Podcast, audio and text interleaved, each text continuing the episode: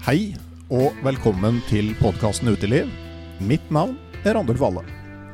Dagens tema er kommunikasjon og nødsignaler på tur. Og vi skal først og fremst snakke om det som er elektronisk og radiobølgebasert. Eh, og for å gå gjennom det her temaet, så har jeg alliert meg med podkastens faste turnerd, Morten Synstelin. Hjertelig velkommen. Hei, og takk for at jeg ble invitert nok en gang til et uh, veldig artig emne. Ja, og du er jo ikke bare turinteressert, du er jo også radioamatør òg? Ja, jeg er en gammel radioamatør og har faktisk en egen radiobil. Så jeg har holdt på mye med dette her opp gjennom åra. Ja, Hva var kallesignalet ditt? Eh, LA9 PLA. Men det har ikke vært i bruk på mange år. Så. Nei.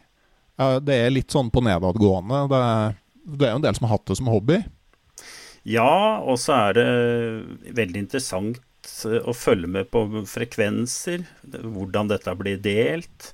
Ja, eh, dette er jo en evig kamp om et lite rom som du ikke kan på en måte utvide annet enn oppover, og du vil få noen begrensninger. Jepp. Mm. Men for å starte med det grunnleggende først, da. Altså, det er jo ikke alle som er så veldig positive til det at man i dag kan ha med kommunikasjonsutstyr som funker omtrent overalt. Uh, hva tenker du om det? Uh, jeg syns vel best at det er gå, veldig godt å gå aleine og på en måte kunne skru helt av. Men samtidig så ser jeg at de rundt meg er veldig ja, er opptatt av hvordan det går med meg, hva hvis det skjer med meg når jeg går aleine. Eh, og at dem da ikke skal sove om natta når jeg koser meg på tur. Så jeg betaler den prisen det, det trengs for å få det utstyret. Da, og at eh, jeg da skal få tillatelse, og at ingen skal ha det vondt hjemme. Mm. Ja, og så tenker jeg jo litt sånn når man går aleine òg. Altså, man kan jo dyrke den der frihetsfølelsen.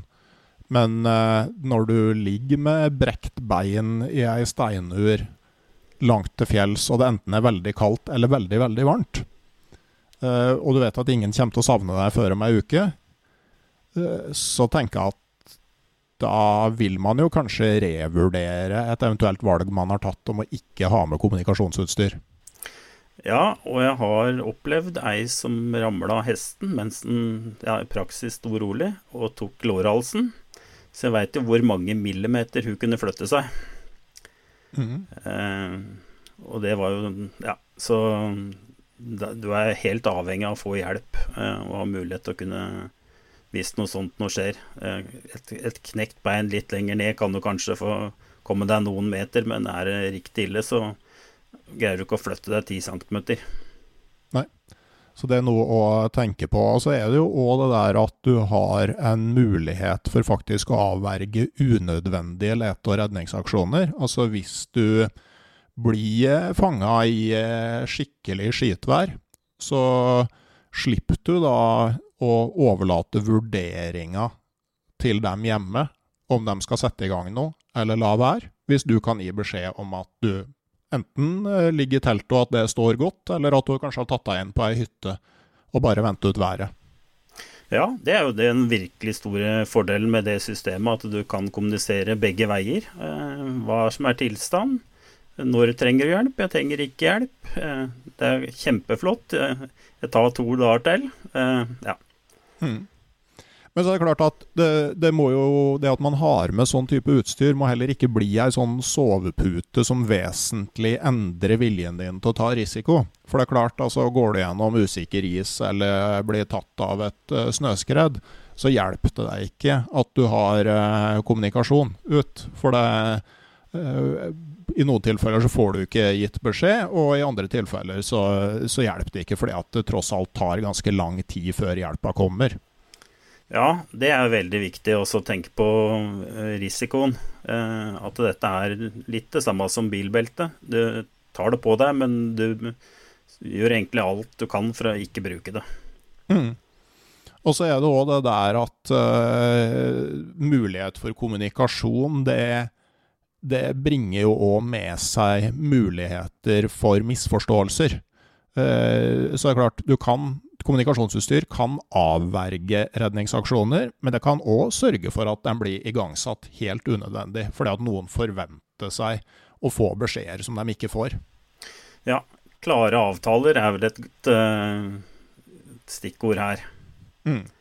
Og så er det òg det at, uh, som vi også skal komme tilbake til, men som er et sånn, sånn viktig poeng å stresse helt fra start, er jo at i ei gruppe som er på tur, så er det viktig at alle veit hvert fall hvordan utstyret grunnleggende virker, uh, og kan bruke det.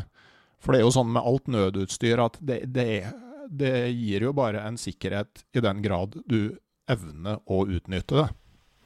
Ja, det er veldig viktig, og ikke minst at det er lada opp. Eh, at de da kanskje veit PIN-koder, ja, hvor det ligger hen. Eh, det kommer vi litt inn på seinere. Nå er jo dagens episode en eh, Patrion-episode, eh, så dersom du skal høre hele episoden, så må du være med i det digitale turlaget på Patrion.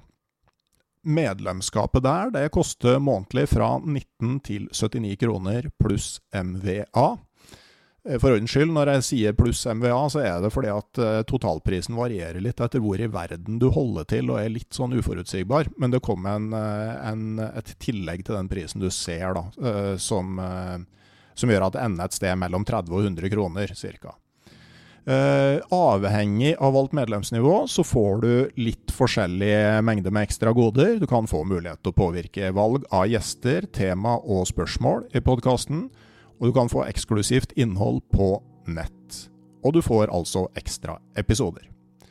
Så hvis du vil høre hva Morten og jeg har å si om mobiltelefon, sikringsradio, nødpeilesender, Spot, Garmin Inrich, satellittelefon og Starlink annet, så må du laste ned Patrion-appen, eller gå inn på patrion.com. Så søker du opp podkasten Uteliv, og velger ditt medlemsnivå. Det er gjort på noen få minutter, og samtidig gir du et viktig bidrag til driften av podkasten Uteliv.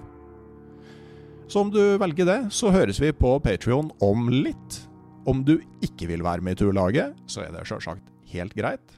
Da høres vi neste fredag, for da kommer som vanlig en ny episode av podkasten Uteliv. Ha det bra!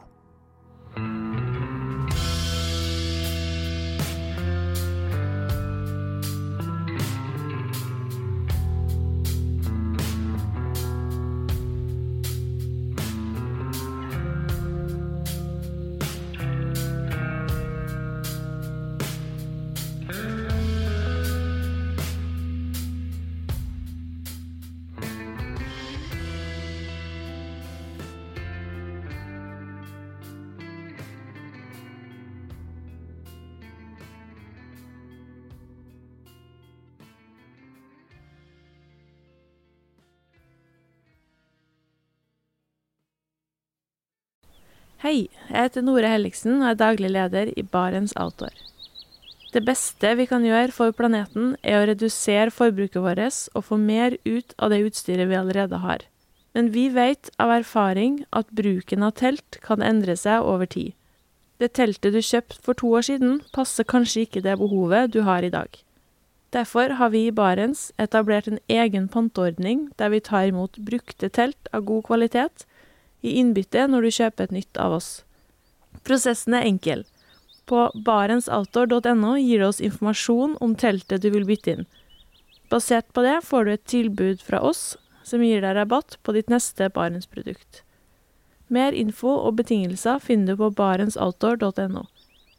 Og husk at den første reparasjonen på produkter fra Barents er alltid gratis.